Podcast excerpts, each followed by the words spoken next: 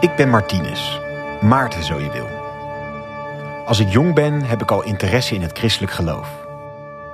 Maar denk niet dat mijn ouders dat kunnen waarderen. Die willen dat ik het leger inga. Maar dat past helemaal niet bij mij. In het leger geef ik steeds mijn spullen weg aan arme mensen die ik tegenkom. Op een koude dag kom ik een arme bedelaar tegen bij de stadspoort van Amiens. Ik heb eigenlijk niets meer om aan hem te geven, alleen nog mijn Romeinse soldatenmantel. Ik besluit het ding door midden te snijden met mijn zwaard en geef de ene helft aan die arme man. Hij is er erg blij mee. Heerlijk. En voor mij de enige reden om mijn zwaard te willen trekken.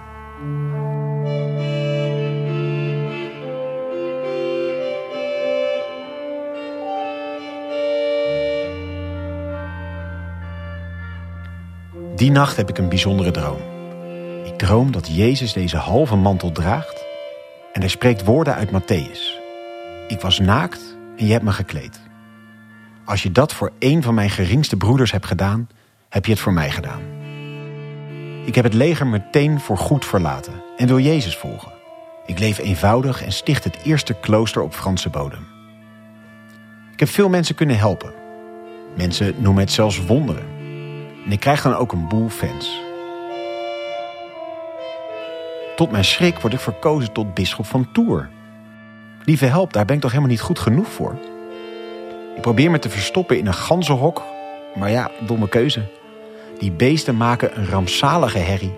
Ik word dus gevonden en tot bisschop gewijd. Toch heb ik ook in die functie heel veel kunnen betekenen voor de mensen. Ik verneem zelfs dat de keizer van Rome onder de indruk is. Ik ben de beschermheilige van onder andere Utrecht. Het wapen van Utrecht beeldt mijn doormidden gesneden mantel uit, waar het witte onderkleed onder vandaan komt.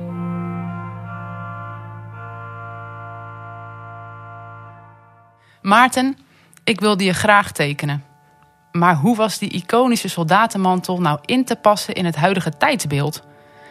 Nederlandse militairen dragen geen mantel en komen vooral in beeld als ze zandzakken aan het dragen zijn. Gelukkig maar. Maar goed, je zat toch echt in een functie waar je geweld moest uitoefenen als je dat werd opgedragen. In de afgelopen jaren heeft Nederland de bereden brigade van de ME vaak in actie gezien. Dat leek me een passend alternatief. Te paard en met wapens op zak.